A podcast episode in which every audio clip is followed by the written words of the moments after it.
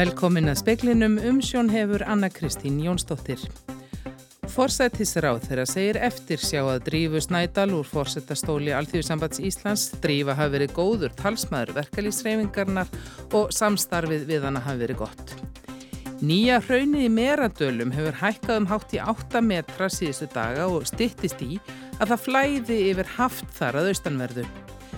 Það er nánast daglegt brauð að skipt sé um livjaheiti á sama virkaefninu í sérlivjum að sög barnalæknis og þetta auki hætti á á að gefni séu rángi skamtar. Kærasti blaðakonar Kim Wall sem myrt var fyrir fimm árum í Danmörku segir að fjölmiðlar hafi ítrekkað farið við mörkin í umfjöllunum málið. Og afsögn fórsetta Alþjóðsambands Íslands eru stórtíðindi segir sérfræðingur í vinnumarkasmálum óvist sé þó hver áhrifin verða á komandi samninga. Það er eftir sjá að Drífur Snædal úr fórsetastóli Alþjóðsambands Íslands segir fórsetis ráð þeirra sem bindur vonir við að verkalýsreifingin og vinnu veitendur ná í haust farsælum samningum fyrir almenning og samfélagið. Drífa Snædal tilkynntu um afsögn sína sem fórseti ASI í dag og sagði meðal annars í yfirlýsingu að samskipti við ímsa kjörnafulltrú einan sambandsins og svo blokkamyndun sem þar hef átt sér stað gerir henni ókleft að starfa áfram. Hún gaggrínir vinnubröð forman af afferr og eblingar. Ragnar Þór Ingólfsson, formar afferr og Solveig Anna Jónsdóttir formar eblingar hafa bæði svarað þessari gaggrín í dag og saka drífu um samráðsleysi og að fara á bakvið einstök félög. Eðlið málsins samkvæmt er samtal aðila vinnumarkaðar eins og stjórnvalda stundum náið og forsættisráð þar að segir eftirsjá að drífu úr stóli forsetta ASI. Ég get bara sagt það að samstarf okkar drífu hefur verið með miklum ágjöldum og hún hefur verið góður talsmaður verkefliðsreyfingarna sem fórsetta ASI og uh, vannuð þetta auðvitað til dæmis í kringum ími stór mál í kringum lífskjara samninga og annað slíkt þannig að það er að sjálfsög eftirsjá að drífu úr þessu starfi segir Katrín Jakobsdóttir. Fjöldi kjærasamninga er laus í haust og því miklar kjæra við þar framöndan. Katrín minnir á að einstök félög innan aðeins í fari með samningsumbóðið og síðan veri nýr fórseti kjörin á þingi sambandsins í haust. Þannig að auðvitað vona ég að eh, aðilar, eh, verkefliðsreifingin sem og atvinnureikendur muni finna bara góðar leiðir til að ná góðum og farsalum samningum fyrir íslenskan almenning og þar með íslensk samfélag. Saði Katrín Jakobsdóttir, Haukur Holm, saði frá en áframverður fjallaðum alþjóðsambandið síðar í speklinum. Hraun gæti runnið í austur átt úr meradölum á næstu klukkutímum eða sólarhingum og átt þaðan greiða leiða Suðurstrandarvegi, segir Magnús Tumi Guðmundsson, profesor í jarðeðlisfræði við Háskóla Íslands. Síðustu daga hefur raunið við skarðið sem er lægst út úr meradölum að austan, hækkað um 7-8 metra. Magnús telur að það vanti kannski svona metra upp á að það flæði yfir. Erfitt sé að segja til um hvort og hvenar það nái Suðurstrandavegi. Til þess að meta ástandi þarf að fljúa yfir góðstöðunar í góðu skikni og það hefur ekki gefist síðan á fymtudag. Vísindamenn reyna að fljúa yfir góðstöðarnar á morgun. Ragnar Grímur Bjarnason barnaleknir segir að skipti á sérlifjum séu nánast daglegt brauð hérlandi. Sífælt sé verið að skipta um livjaheiti á sömu virkuefnunum og þetta opni hættu á að rángir eða of stóri skamtar séu gefnir. Livjainflytjanda beri að tilkynna livjastofnun sé skortur á livjum. Þetta skilir sér ekki alltaf til lækna og það sé mjög alvarlegt. Þetta er bara því miður mjög algengt og sérstaklega er þetta algengt með lif eins og fyrirböld sem eru ekki seld í, í, í eh, stóru upplægi að, eh, að þá er þetta bara eins og ég segi nánast daglega bröða. Það, að, ja, þetta er ekki til núna þú ert að skrifa upp á þetta og uh, það á að vera sambærilegt sko en, en uh, og þetta er yfirleitt þannig að maður fær að heyra það þegar að foreldrar eða apotekurinn ringir og lifiði búið. Þetta saði Ragnar Grímur Bjarnason yfirleiknir á Barnaspítala Ringsins.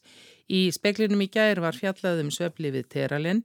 Livjastofnun innkallaði það nýlega vegna misvísandi upplýsinga í fylgisæðli og umbúðum sem leittu til ofskamtunar. Leggja þurfti ungt bad sem fekk á stóran skamt af löfinu inn á spítala. Áframverðu fjallaðum söfn og livjanótkun badna síðar í speklinum. Þorbjörg Sigriður Gunnlaugsdóttir þingmaði viðreistnar hefur óska eftir fundi í velferðarnemnd alþingis til að ræða um skort á lífsnöðsynlegum livjum fyrir börn, skort sem ítrekkað hafi komið upp undan farin ár.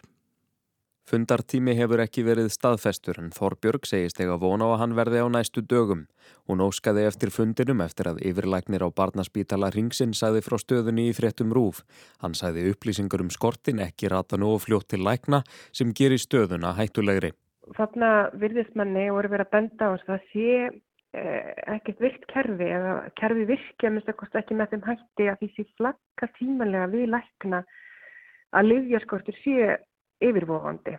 Þannig að mér fannst það nú bara svona í samræmi við eftirlitslutverk þingsins að kalla saman velfæranemdina og fá þá uh, gesti og hagsmunnaðilega fyrir nemdina til að einfallega fá mynd á stöðinu og til hvað aðgjör að vera hægt að grýpa til að tryggja að, að svona gerist ekki. Til stendur að yfirleiknir á barnaspítalanum, forstjóri livjastofnunar, landleiknir og fulltrúar heilbriðisraðanetti sinns komið fyrir nefndina því að mann er skilst að það eigi að vera einhver mekanismi sem að gefi heilbriðs yfirvöldum og læknum það til kynna eh, ef að þessi stað er að teiknast upp. Það er að segja einhver lif eh, séu ekki fáanlega en, en eins og þessi læknir bendur á þá gerist það og hafi gerst oftar en einu sem oftar en tvísvar að foreldrar standi út í apotekki eh, með uppáskrifu lif sem síðan reynast ekki vera til og ekki bara ekki apotekki heldur en landinu öllu sagði Þorbjörg Sigriður Gunnlóksdóttir, Þorgnýr Einar Albertsson talaði við hana. Rannsók lauruglu og umfangsmiklu fíknefnamáli miðar vel að því að segir í tilkynningu á föstudagskvöld var greint frá því að fjórir hefðu verið settir í gæsluvarhald vegna málsins, lagt var hald á 10 kílóa af fíknefnum í sammeilögum aðgerðum lauruglu.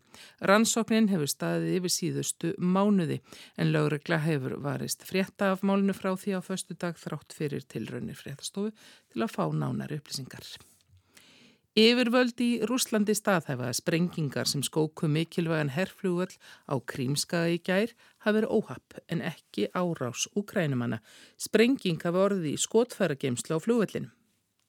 Rúsneska varnarmálaráðunitið segir að einn hafi farist í sprengingunni á sæki flugöllinum á Krímskaga sem rúsar hafa ráðið frá árinu 2014.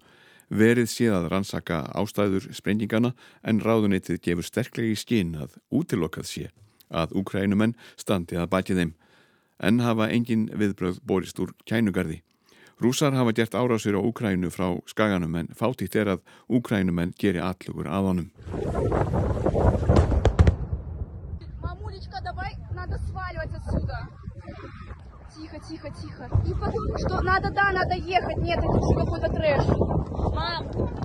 Sprengjuhvettinir voru mjög öflugir og á samfélagsmiðlum á sjá gesti nálægrar badstrandar forða sér í ofbóði þar sem þykka reykjar bólstra beri við í bakgrunni.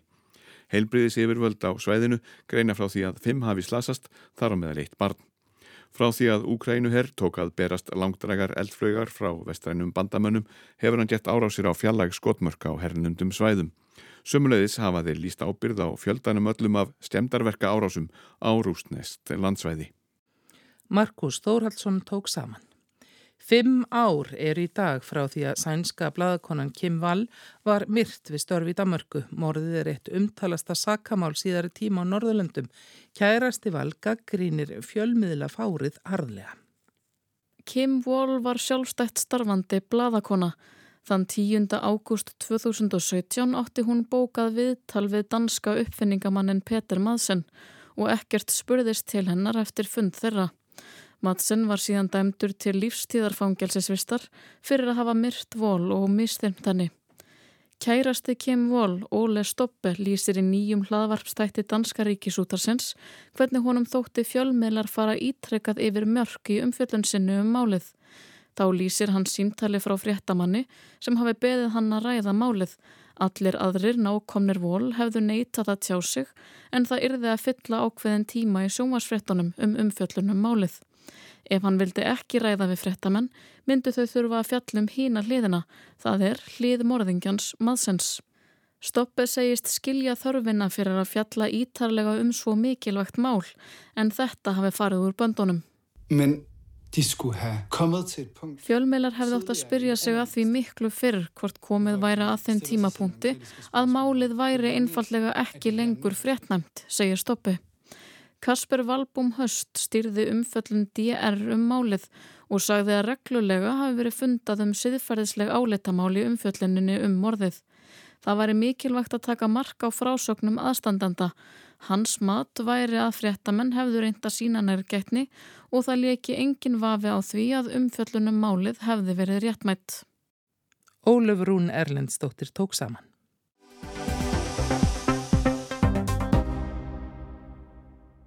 Það er alltaf harður vetur framöndan þegar kemur að stórum kjærasamningum, segir Gilvi Dalman Aðalsteinsson, dósent og sérfræðingur í vinnumarkaði og stéttafélögum en samt nást alltaf samningar. Hann segir erfitt að ráði það nú hver áhrifin verða af ólgu í verkalýsreifingunni. Drífa Snædal sagði í morgun af sér embætti fórsetta Alþjóðsambands Íslands.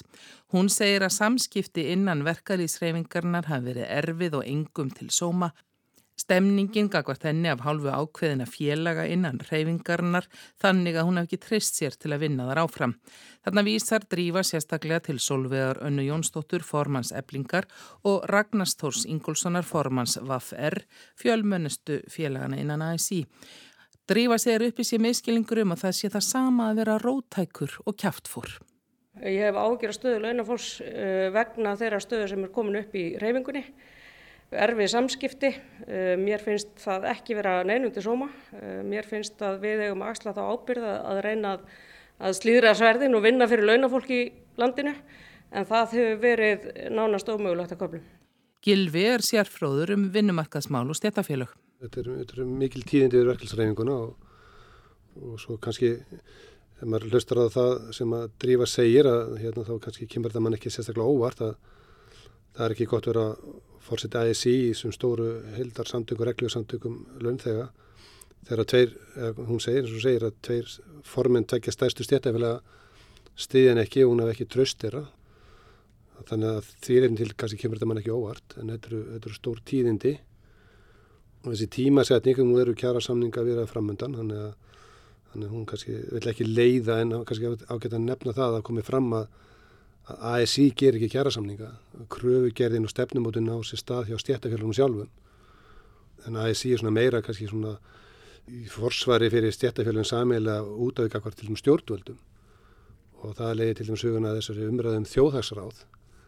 Kannski hefur verið gerst núna kannski í tíð Katrín Jakobsdóttur sem fórsæðráðara til að bæta samskiptinu innumarkaði það var komaði svo að lakirna þjóðhagsráðanu annars vegar og svo hérna að stopna kjaratölfræðinemdina til þess að hérna, vera með samrænt gögn og réttar upplýsingar þegar menn fara að setja þess að samlingaborðinu. Kanski er vettvangur þá að ASI svona meira svona á, þess, á þessu sviði. Það er alveg rétt að hérna, það hafi verið svona, svona áherslu breytingar í verkefnisreiningunni og með nýju fólki og maður hefur séð það bæði með Solveig Önnu og Ragnar Þón Ingólfsinni að þá hérna, svona, kemur annar tón og öðru sér baróta aðferðir. Það er svona kannski svona erfitt að koma auðvitað á þetta sko hversu djúft þessi ágreiningur ristir. Gilvi bendir á að alþjóðsambandið séu reglífa samtök, flóra félagarna þar inni fjölbreytt, verkafólk, skrifstofólk, sjómenn og yðnaðamenn svo nokkuð sé nefnt. Eins og marg nefnt er, eru kjara samningaframöndan samstaða í verkalýsreifingunni laungum verið talin líkilatrið þegar hún mætir viðsamjendum. Og eins og kjara samningar hafa þróast hér frá 1964 má segja þá er þetta eiginlega byggt á svona þrýliða svona samstarfið samningum þannig að fyrst eh, er það þannig að, að verkefnsreyningin og vinnuvindur gera samning oftast með aðkomu, aðkomu ríkisins með einhvers konar pökkum. Við sáum það í þjóðarsáttssamningun 1990 og við sáum það líka núna í lífskjara samningunum. Það er svona mjög hérna, áhugavert að skoða þegar verkefnsreyningin er að verja kaupmáttin og verja störfin þá hefur yfirleitt séð svona miðstýra kjara samninga Þannig að það hafa verkefnsreyningin komið sér saman um það hvað er ég að semja um og þá hefur kannski þessu sambandi ASI verið svona, svolítið leiðandi þeirri umræðu. En þeirra er uppseifla og menn er að sækja hæri laun og, og þá hefur séð meiri dreifstýra kjærsamninga og þá hafa einstaklega stjættafélag bara sami beint. En ég myndi segja það að þetta væri mjög mikilvægt að, að sé ró og fríður og samstaða í verkefnsreyningunni. Þetta er stert afl, þetta er mikilvægt afl. Því að það er ekki bara að tala um ASI, við erum líka með reglega samtök og starfsmennir svo BSRB og BOM og fleiri. Það er erfitt að rína í það utanfrá, segi Gilvi, hver rótin er að þessum ágreiningi sem afsögn drífu endur speklar. Hann vitna til þess að Vilhjálmur Birgisson, formaður starfsgreinasambandsins, hafi líst því að hann hafi rekið sig á veggi þegar hann kom til starfa í alþjóðsambandinu á sínum tíma. Það kemur alveg sko nýr tótin í verkefnisreifinguna fyrst með Vilhjálmi á sín tíma, hann er alltaf búin að vera lengur heldur en bæði Ragnar og Sólvi Anna. En sérstaklega kannski svona með, með orðræðu Sólur Önnu, þá ser maður svona alveg svona nýjan, hver alveg nýjan tón. Drífa var kosin fyrir fjórum árum og kjósa á Alþjóðsambandinu nýjan fórsetta í oktober til næstu tvekja ára.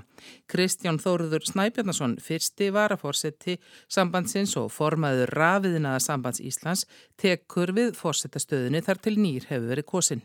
Kæmur ekkert óvart að er þið eitthvað frá innamannaliðinni og hún er svona innamannaliðin genn tíðan við oft verið svona svona mannasættir innan aðeins í þannig að það kemur ekkert óvart.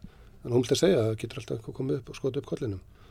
En það er það sko, stutt í kjæra sann í gálásni og, og vinnan er farin á fullt og, og þá er kannski best að vera bara komið með svona nýja, nýja mynd á, á, á fórustuna En nú hafa vaffer og eblingi gegnum starfskreinarsambandi sterkast stöðu í alltíðsambandinu Þannig ertu með tvö stór félög sem eru sko það stór hluti innan aðeins í bæði vaffer og eblinga að þau ættu þá að hafa kraft og afl til þess að velja, velja að hafa áhrif á næsta forman.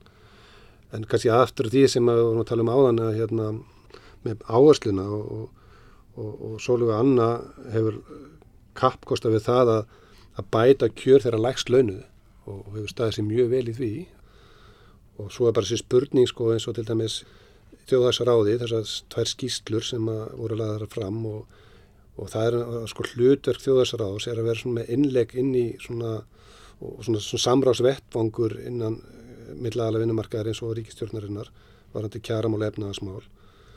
Það vil bara þann til að ASI er sérst með þar fulldrúa en, en þessum heldarsamtökum er treyst fyrir þessari, þessari hérna, vinnu en það má segja geta þess að, í tengslum við lífskjærasamningana þá var blásið lífi í þjóðarsráðið. Þannig það tók aftur svona kip og aftur svona til, til starfa.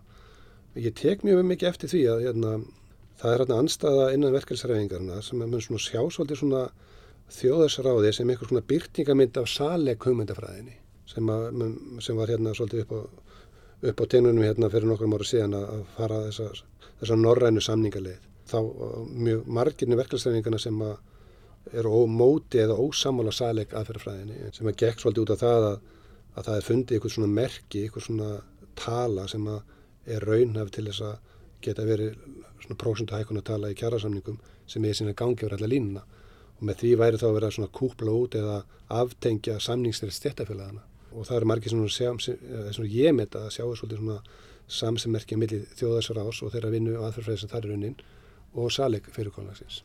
Og það sé þá eiginlega eins og sér verið að taka valdið frá félagunum að sé bara búið að rekna, rekna þetta já, út í, í kerfinu. Já eins og þekkist annar staðar. En ég vil bara nefna það hérna, að, að sko, samningsrétturinn, sko, við erum alltaf með vinnulegjana frá 38 og það er samningsrétturinn mjög skýr.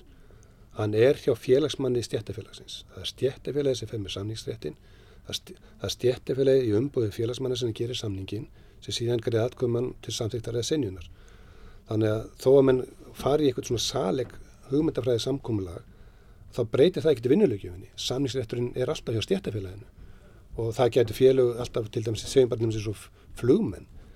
Þeir þetta ekkert endilega ákveða það að vera undir salegsettir. Sólveganna sagði mitt í fréttum fyrir dag að Drífa hefði í samningum 2019 samiðum að Saleg yrði endurvakið í gegnum svo kallega grænbók og það hefum gert án vittnesku og samþykkis eflingar. En hverjar eru horfurnar í komandi samningum að mati gilfa?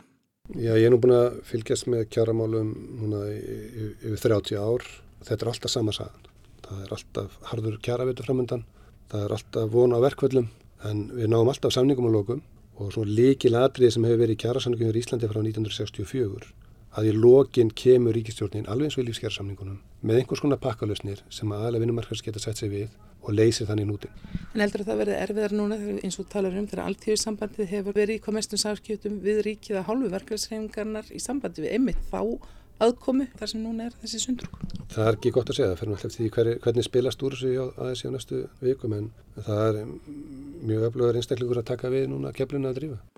Saði Gilvi Dalman Aðalsteinsson. Solveig Anna segist ekki hafa huga að sækjast eftir fórseti ASI en Ragnar Þór segir aðspurður að hann hafi ekki tekið neina ákverðunum það.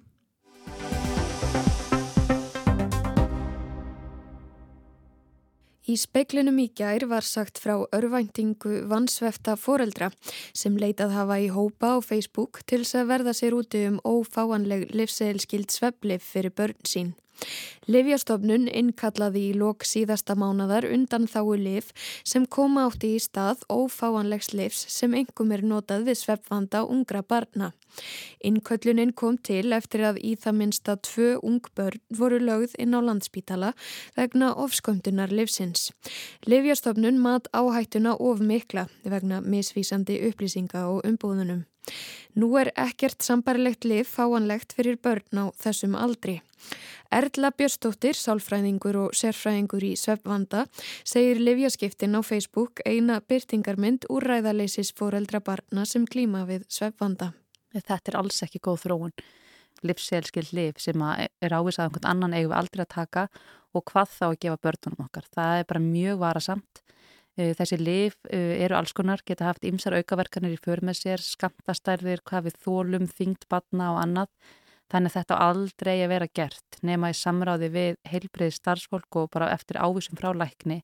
Þannig að þetta er eitthvað sem er ofbúslega hættuleg þróun og við þurfum að reyna að uppræta þetta og við mekta þetta ekki verið eitthvað skiptimarkaður fyrir liv, einhverjur mömmuhópar eða, eða Facebook-hópar. Það er bara mjög hættulegt og líka þegar við erum að kaupa sveppliv erlendis sem eru þar ekki livseilskild eins og til dæmis melantónin í apotekum í bandaríkjónum Ég mæli ekki með því að fara að gefa börnunum sínu það af því að þetta er ekki eftirlitskilt þannig að við vitum í raunverulegt hvað þessi lif innihalda og rannsóknir sína það að þó það standi að það séu 2 milligram af melantóninni þá getur verið alltaf 400% meira magn af raunverulegu melantóninni í lifinu á samt öðrum hormónum jábel og við viljum ekki gefa börnunum okkur þannig koktel sem við bara vitum ekki hvað raunverulega innihaldur þannig að við hefum aldrei að gefa neitt nema læknir hafi ávisaði á okkur.